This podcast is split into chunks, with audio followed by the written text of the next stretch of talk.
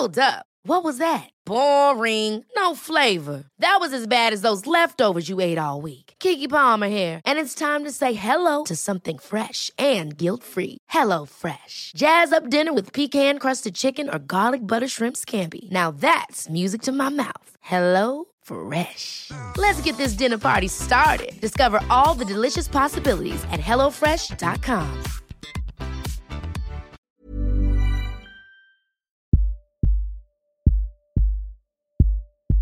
Hij stond voorovergebogen. Hij was bezig om zijn spullen te pakken. En toen keek hij op en toen keek hij me aan. Ja, het was een hele grote, woeste man. Ja, Francesco, Francesco. Ik was getrouwd. En ik ben heel erg monogaam, eigenlijk. En toen heb ik met hem zitten praten, heel lang. En aan de andere kant van de bar zag ik mijn man steeds dronkener en dronkener worden. En op een gegeven moment ehm,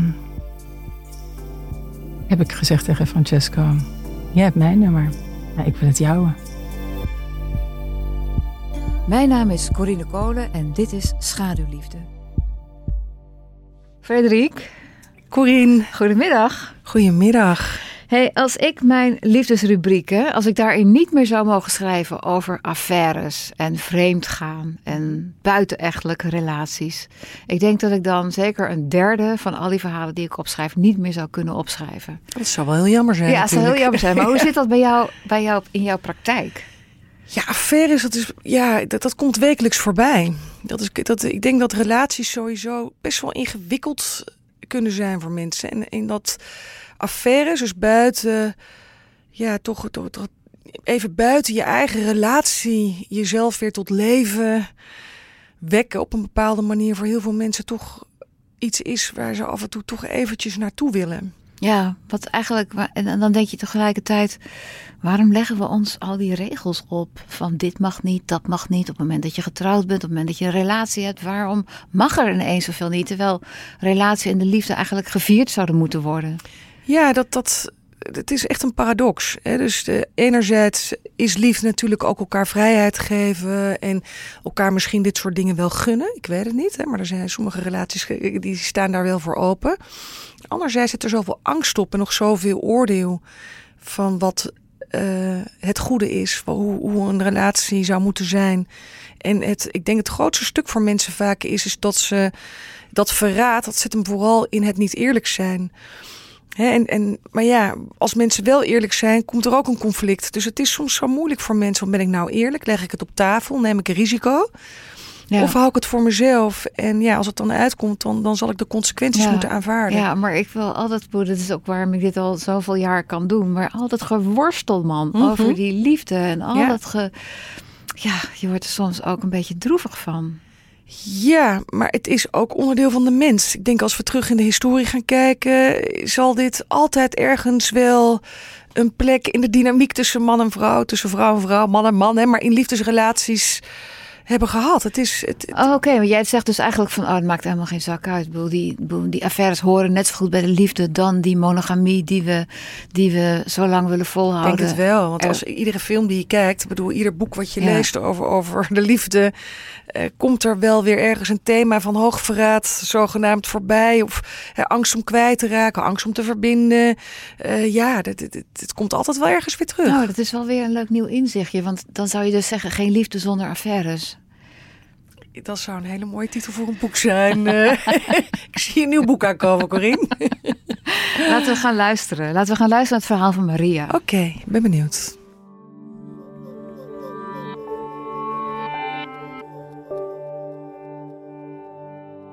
Hoi, Hoi, goedemiddag. Hoe zullen we je noemen? Maria. Maria. Ja, goede naam. Ja? Want? Ja, Kind, eh, de vrouw van Jezus? Nee, niet ja eens. tuurlijk, ja. Tuurlijk. Oermoeder. Vertel, eh, jij kan vertellen over eh, ja, Francesco. ja. Wanneer was dat en wat gebeurde er? Oh, ja, Francesco, Francesco. ik was getrouwd. En ik ben heel erg monogaam, eigenlijk.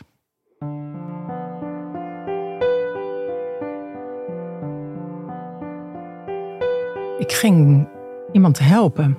Dat was het eigenlijk. Ik ging een dagje iemand helpen en hij was daar ook samen met iemand anders. Maar waar ging je helpen? Ja, bij een, een, een, een juwelier was het. Ja. En die hadden iemand nodig die iets liet maken. En daar was Francesco en dat, uh, ook. En daar was Francesco Wat ook. deed hij daar ja, dan? Ja, die, was, ehm, die kwam het opnemen. Dat was het. Er werd een itempje van gemaakt voor televisie. En ik kwam daar en ehm, hij stond voorovergebogen en was bezig om zijn spullen te pakken. En toen keek hij op en toen keek hij me aan. Ja, het was een hele grote, woeste man. Dat was het. Hoe zag Alles. eruit? Twee meter lang, breed, lang krullend haar, heel veel donker krullend haar, donkere ogen, van die hele donkere ogen met die lange giraffenwimpers, een, een ongeschoren hoofd had hij, een beetje zo'n stoppelbaard. Ja, woest was hij. Dat is echt zo'n woeste man, zoals je leest in de boeketreeks. echt, dat was het. Maar met woest bedoel je woest aantrekkelijk Ja, en woest niet woest in de zin Nee. van ongeleid. Nee, nou dat was hij wel uiteindelijk. Niet woest boos, maar hij was, hij was woest wild. Aan het einde van de dag zei die collega van hem, eh, die vroeg aan mij, geef je nummer. Dus we, waren eigenlijk al klaar. We hadden, het, had vrij lang geduurd. Ik denk dat ik daar een halve dag geweest ben, alles bij elkaar. En toen, dus, dus eigenlijk met het idee, ik ga nu weg, zei hij, geef nog even snel je nummer. Ik schreef het op, ik legde het neer, zo'n geel post-it briefje. En toen kwam die hele grote hand over die tafel heen. Francesco die pakte dat, dat gele post-itje en die haalde zijn portemonnee uit zijn broekzak, deed zijn portemonnee open, plakte dat erin. Toen klapte hij zijn portemonnee zo dicht. En toen keek hij me aan en toen zei hij, zo, nou heb ik jouw nummer. En toen ben ik weggegaan en naar huis gegaan. En heb ik tegen mijn man gezegd, nou, het was zo leuk. En er waren twee, twee mensen en ze vroegen mijn telefoonnummer. En dat heeft die ene man in zijn portemonnee gedaan. Heel naïef eigenlijk. Hoe reageerde je man? Eh, vol zelfvertrouwen. Die vond het leuk. Prima. Die was helemaal niet. eh, Nee, mijn man was niet jaloers. Die, die dacht dat ik van hem was en dat wij bij elkaar hoorden en dat we altijd bij elkaar zouden blijven. Ook al hadden we het echt heel moeilijk. Had jij die overtuiging ook? Nee, Toen al niet meer, toen je Nee, toen Francesco al niet meer. tegenkwam? nee, nee. Nee, maar ik vond het heel moeilijk, want wij hebben een, eh, een, een zwaar traject doorlopen met elkaar, mijn, mijn ex-man en ik. Eh, wij zijn heel lang eh, heel ongewenst kinderloos geweest. En ehm, dat heeft ons echt uit elkaar gedreven. Want hoe, zo- hoe Ja. was de situatie op die dag dat jij Francesco tegenkwam? Hoe was de situatie toen thuis tussen jou en je man? Op welke manier waren jullie toen nog steeds proberen om kinderen te krijgen? Of hadden jullie die kinderen intussen? We hadden op het moment dat ik Francesco ontmoette, ehm, hadden we twee kinderen. Twee meisjes hadden we inmiddels. Ehm, maar die hadden niet gebracht wat wij dachten dat ze zouden brengen. Dat is het. Namelijk? Een gelukkig gezin. En dat waren we niet. Dat waren we absoluut niet. En ik denk dat we dat niet waren, omdat we elkaar verloren zijn in dat hele voortraject.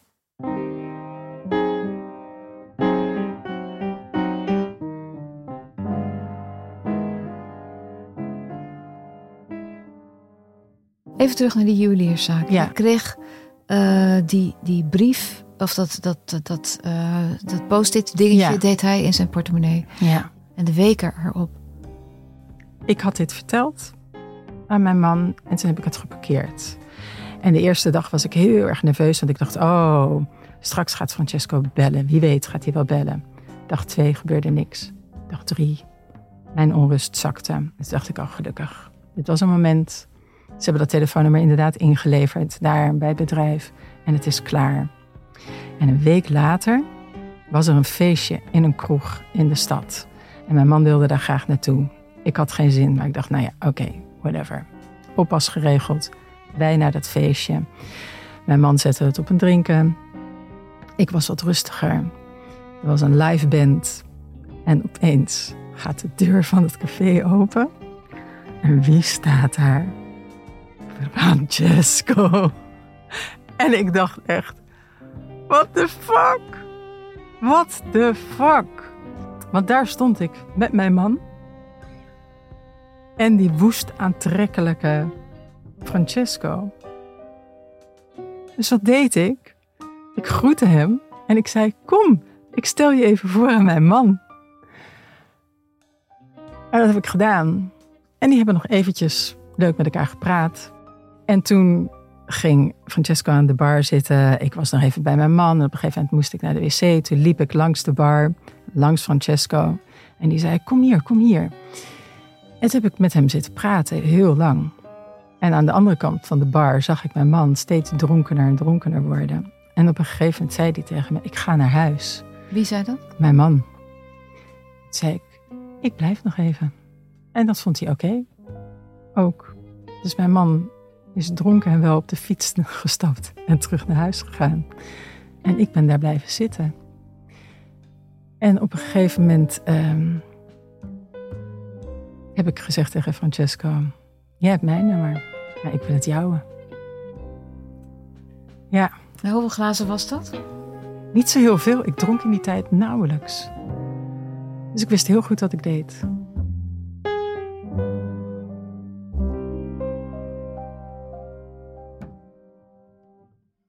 Je hebt hem daarna geappt en heb je hem daarna, hoe heb je hem daarna weer ontmoet? Ik heb een vriend in vertrouwen genomen en verteld dat dit was gebeurd. En dat is iemand die me door en door kent. En die zei op een gegeven moment tegen me: Je moet hem ontmoeten. En ik ben je alibi. Dus ik heb eh, tegen mijn man gezegd dat ik met deze vriend had afgesproken.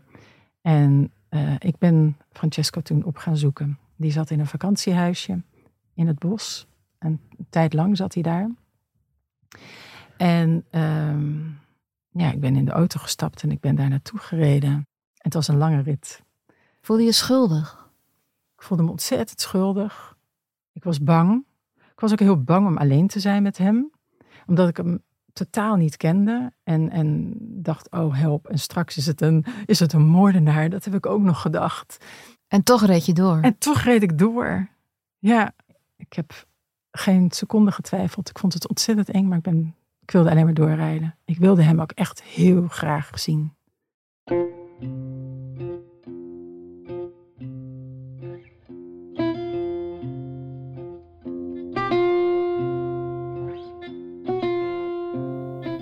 Hoe voelde het? Hoe deed hij de deur open? Wat zag je? Ja, ik kwam daar aan en ik parkeerde mijn auto. Hij kwam meteen naar buiten gelopen Wat voor omgeving was het? in het bos. En ik parkeerde op het mos ook.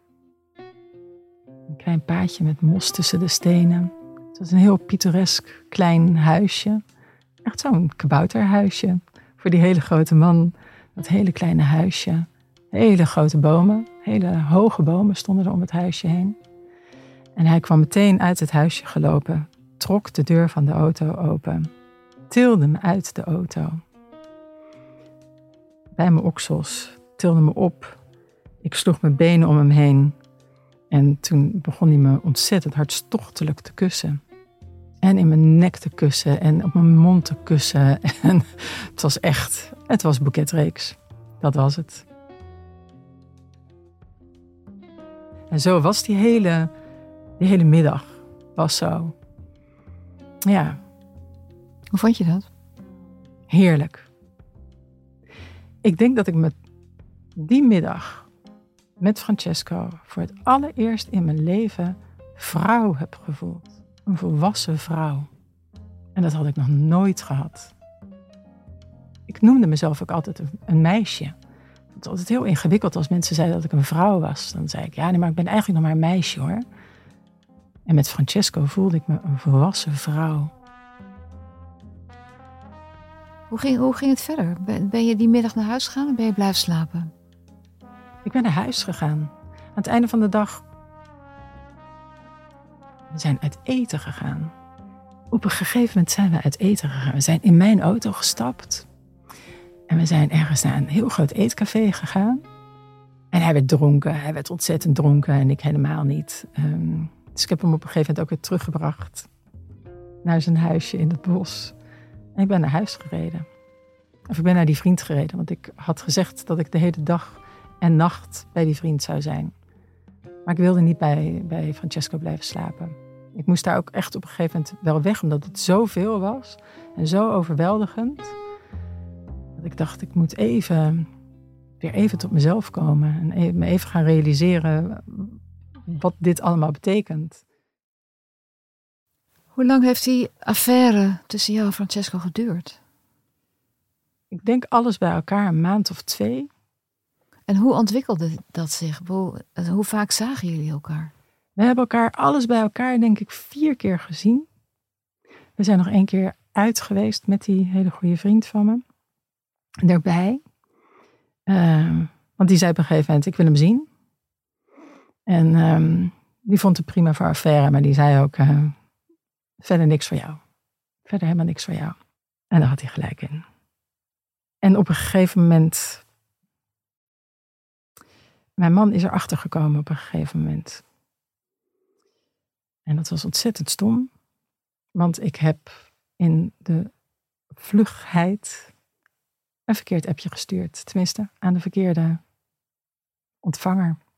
Dus ik heb een appje voor Francesco heb ik aan mijn man gestuurd. En die stuurde me alleen maar een berichtje terug met... misschien moet je even uh, had je beter moeten kijken aan wie je dit stuurde. En ik dacht, oh, oh, kut. Wat stuurde je? Wat stond erin? Um, dat hij me die avond uh, niet mocht bellen. Dat we die avond niet konden bellen uh, omdat ik bij mijn man was. Wij zouden uit eten gaan, dus ik dacht, ja, dan kan hij niet. Dat gaat niet. Dan kan ik niet de hele tijd telefoontjes of, of sms'jes, appjes krijgen van mijn minnaar. We moeten even, wij moesten praten samen. Dat, dat was het. Maar we hebben die avond, ik heb hem die avond verteld dat er inderdaad iemand was. Um, dat ik die had gezien, dat ik daar koffie mee had gedronken. Um, maar dat er niks gebeurd was verder. Wat redelijk waar was. Want de, ik, heb niet, um, er is geen penetratie geweest verder. Uh, dat, dat denk je dan toch. Uh, en dat, dat was het grote overspel als dat er is. Dat was niet gebeurd. We hadden gekust. We hadden vooral gekust en geknuffeld. En, en dat had mij heel veel goed gedaan. En dat heb ik hem verteld. Dus het was toen onderwerp van gesprek. En hij vond dat ik het moest gaan uitzoeken. En ik denk dat hij vond dat ik het moest gaan uitzoeken, omdat hij dacht dat ik zou gaan ontdekken dat mijn man mijn man was. En dat dit maar iets was, iets, iets wilds. En, en, en wat ik een tijdje moest hebben, wat iedereen nou eenmaal heeft, een keer. En dat dan alles wel weer goed zou komen. Maar ja, dat is dus niet zo gegaan.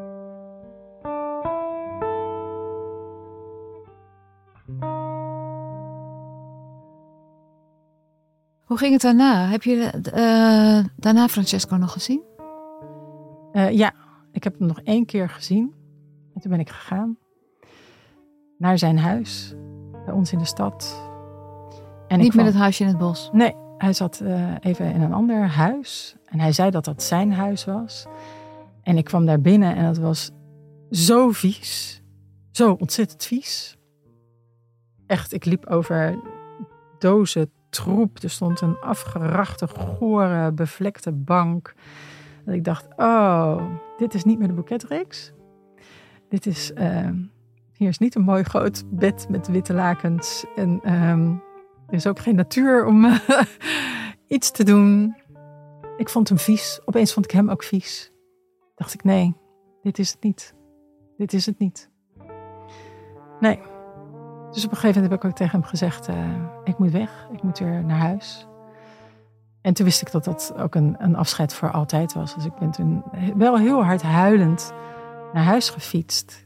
Huilend naar binnen gekomen.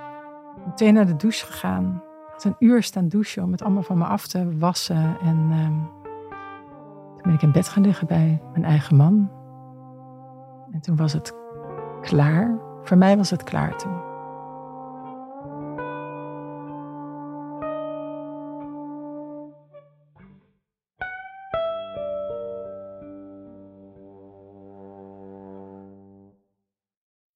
Maar het duurde nog wel lang voordat je bent gescheiden, zei je. Ja, echt nog wel een paar jaar. Maar waarom zo lang?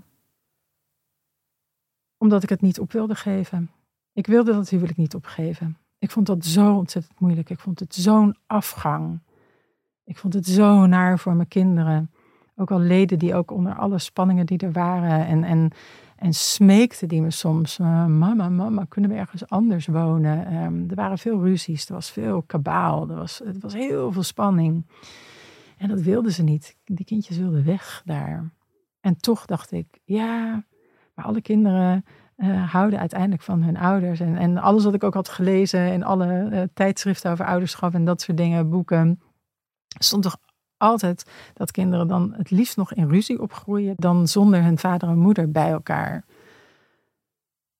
Dus dat was wat me altijd bij hem heeft, wat me nog jarenlang eh, heeft, heeft doen proberen dat huwelijk in stand te Maar houden. dat geheim wat je dan had met Francesco, het feit dat je je toen voor het eerst en, en, eh, een vrouw voelde, dat, be, dat bekleef, beklijfde, beklijfde niet. Dus. Ja, dat deed het wel.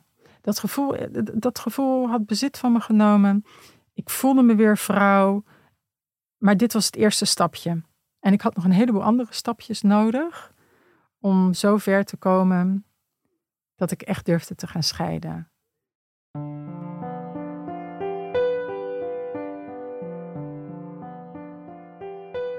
En je bent nu, eh, uiteindelijk is alles goed gekomen. Uiteindelijk is alles goed gekomen, ja. ja. En, en ben ik alsnog een hele grote, stevige, iets minder woeste, maar wel woest aantrekkelijke man tegengekomen. Die, eh, die hetzelfde in het leven staat als ik. Als je nou eh, teruggaat, eh, terugdenkt aan Francesco, hè?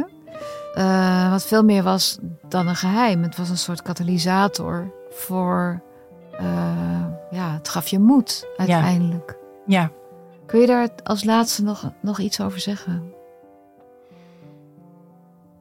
ja, Francesco is en blijft toch voor altijd wel ook mijn held. Hij heeft me ontzettend veel gegeven. Hij heeft me zelfvertrouwen gegeven. Hij zag me. Hij erkende me. Dat was heel belangrijk ook. De erkenning van hem. Ik ben volwassen geworden door hem. En hij heeft me de kracht gegeven om een andere weg in te slaan. En dat was een hele hobbelige weg. Een zware weg. En een hele enge weg. Maar hij heeft me daar wel, hij heeft me daar letterlijk in geduwd. Ingedragen, denk ik zelfs. Met die sterke armen van hem. Met die hele sterke armen. Die grote handen. Ja. Dankjewel Maria. Echt een heel mooi verhaal. Dankjewel. Alsjeblieft. Dank je.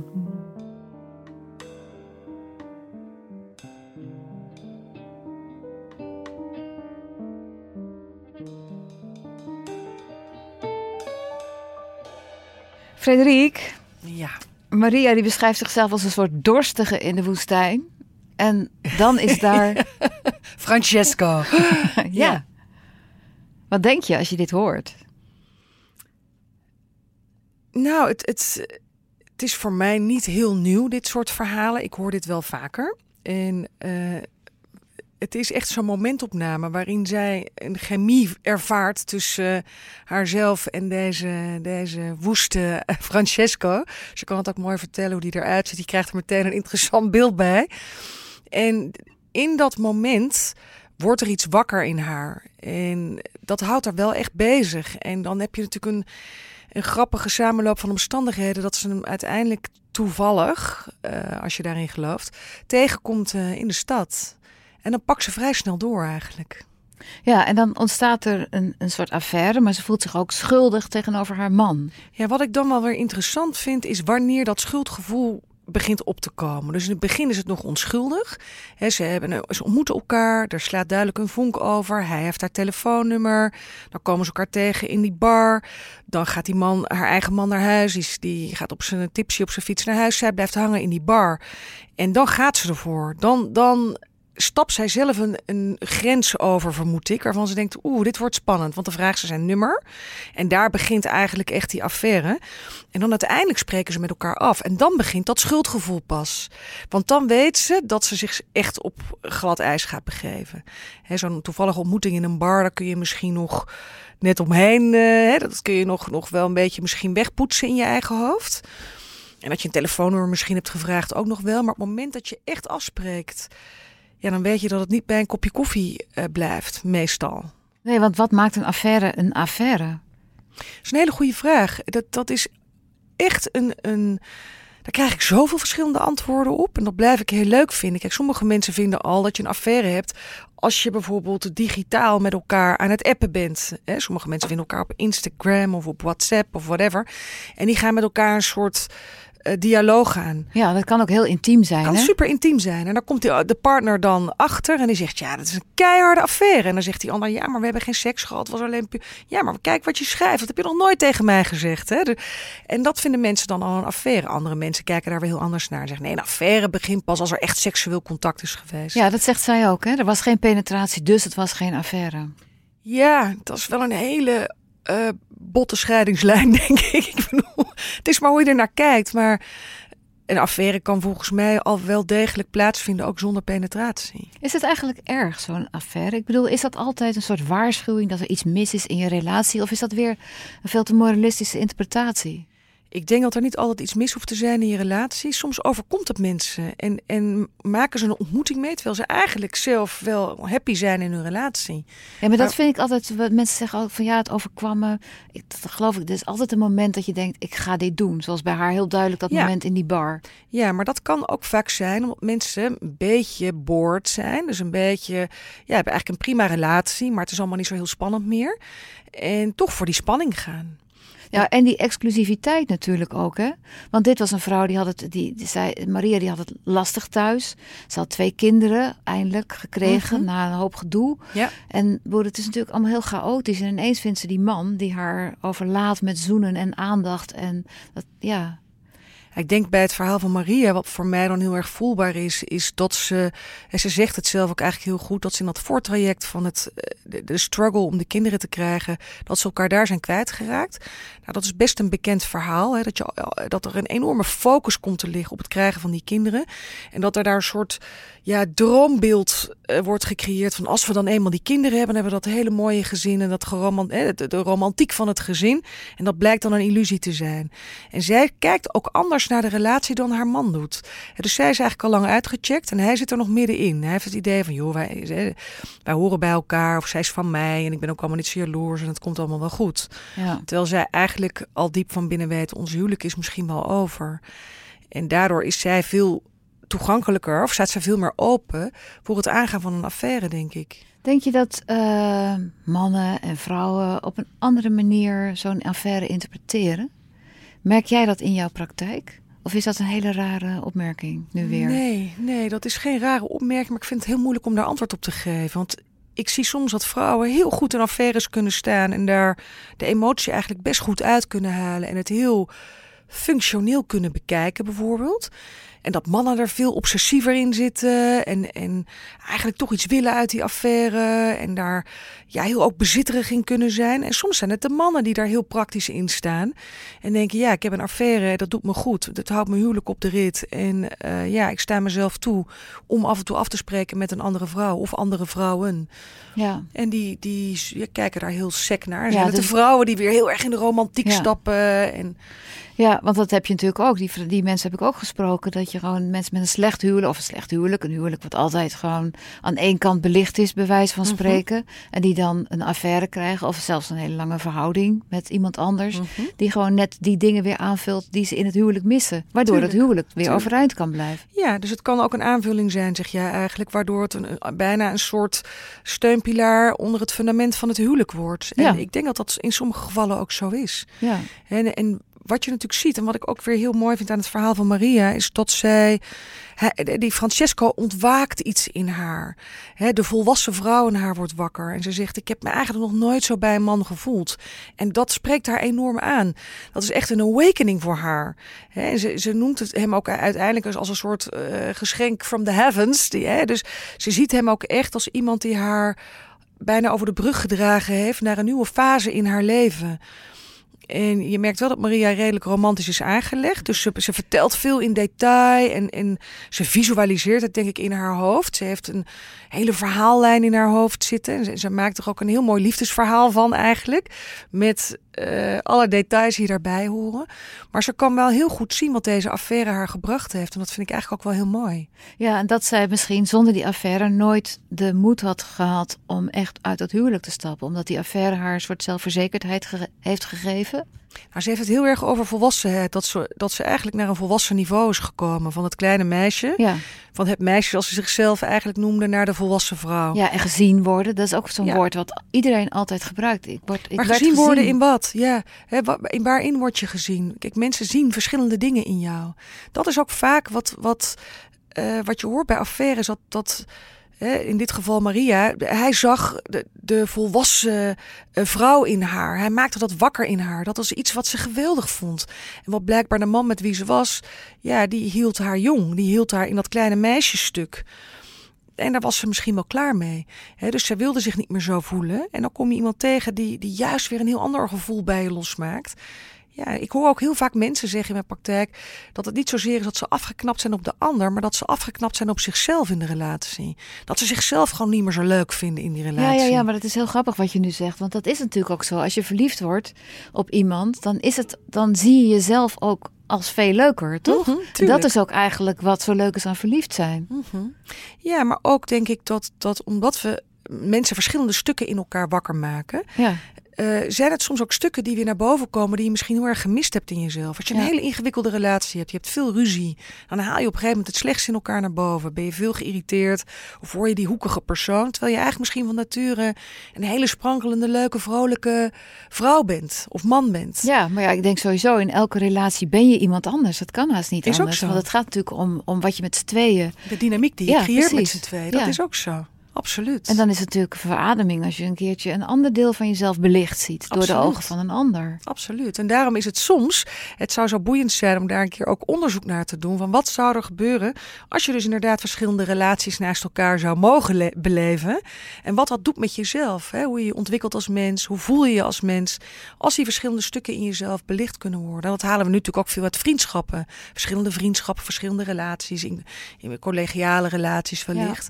Ja. ja. Maar in, geloof jij nog, als je al die verhalen die jij elke week weer hoort, al die vrouwen en mannen en uh, nou, iedereen die langskomt bij jou en affaires heeft en daarover vertelt, hoe verschillend die affaires ook zijn en buitenechtelijke toestanden. Uh, geloof jij nog in de monogamie? Hoe, hoe, hoe, wat doet het met jou? Verander jij daarin? In? Ik geloof wel in de monogamie. Ik denk alleen dat je uh, wel wat ingrediënten in je relatie nodig hebt om die monogamie uh, mooi vorm te geven. En dat je goed moet communiceren met elkaar. Dat het ook een bepaalde vrijheid nodig heeft. Hè, waarin je elkaar support om jezelf helemaal te ontwikkelen. Nieuwe dingen te proberen. Wat niet per se betekent buiten de deur allerlei eh, seksuele experimenten uit te voeren. Maar wel jezelf te kunnen ontwikkelen als mens. Ik zie ook nog steeds wel heel veel mooie monogame relaties om me heen. Dus ik heb hoop. Ik heb goede hoop. Ja, want waarom zou je hoop moeten hebben? Ik bedoel, is dat dan nog steeds het hoogst haalbare? Nee, dat is, dat is een goede reflectie. Maar ik heb, jij vraagt aan mij, geloof je nog in de monogamie? En daarin zeg ik, ik heb hoop. Ja, uh, niet omdat het het hoogst haalbare is, maar omdat ik wel denk dat de monogamie nog steeds een kans heeft. En dat is de nuance die ik dan even graag wil aanbrengen. En dat vind je ook fijn. Ik vind het ook wel mooi. Ik, ik vind een monogame relatie kan ook iets ontzettend moois ja, hebben. Is ook zo. Dat je je zo veilig kan voelen in een relatie. Dat je toch een hele hoop uit elkaar kan halen. En dat het mogelijk is.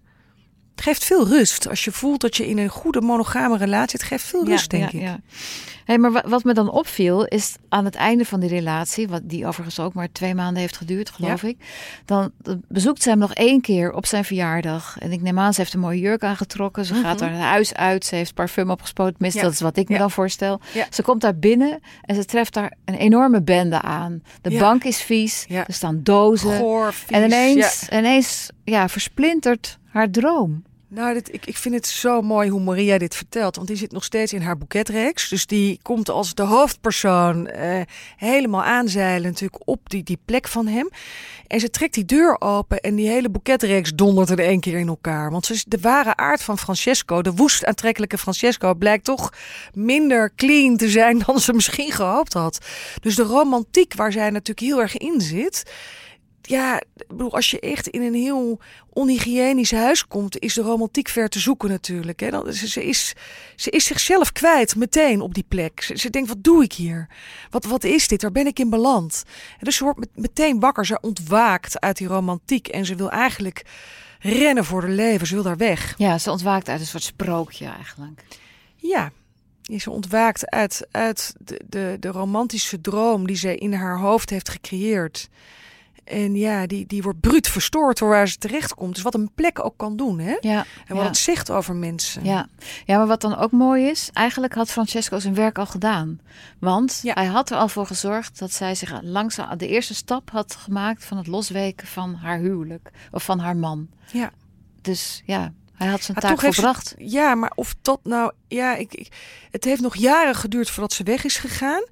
Ik weet niet zeker of dat zijn taak was. Ik denk dat zijn taak hem veel meer zat in de ontwikkeling van haarzelf. Dus de, echt dat ontwaken van dat volwassen stuk in haarzelf, dat lijkt haar grootste cadeau te zijn. En dat dat uiteindelijk heeft geleid alsnog dat haar huwelijk uit elkaar is gevallen. Ik weet niet of dat per se Francesco was die daarin uh, nou ja, de, de, de, belangrijkste stap heeft gemaakt. Maar wel in die zelfbewustzijn. Dat wel, zeker in dat zelfbewustzijn, ja, absoluut. Mooi, dankjewel. Jij bedankt, Corine. Dankjewel voor het luisteren. Wil je reageren of heb je zelf een mooi verhaal? Heel graag. Mail ons dan naar schaduwliefdepodcast.gmail.com. En adverteren kan natuurlijk ook in onze podcast. Stuur voor meer informatie even een mailtje naar adverteren.beanmedia.nl. Deze podcast werd gemaakt door Corine Kolen en Frederike Bikker.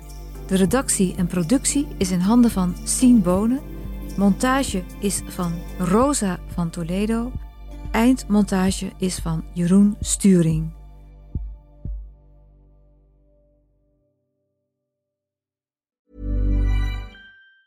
Ever catch yourself eating the same flavorless dinner three days in a row? Dreaming of something better? Well, HelloFresh is your guilt-free dream come true, baby. It's me, Kiki Palmer. Let's wake up those taste buds with hot, juicy pecan crusted chicken or garlic butter shrimp scampi. Mm. Hello Fresh. Stop dreaming of all the delicious possibilities and dig in at HelloFresh.com. Let's get this dinner party started.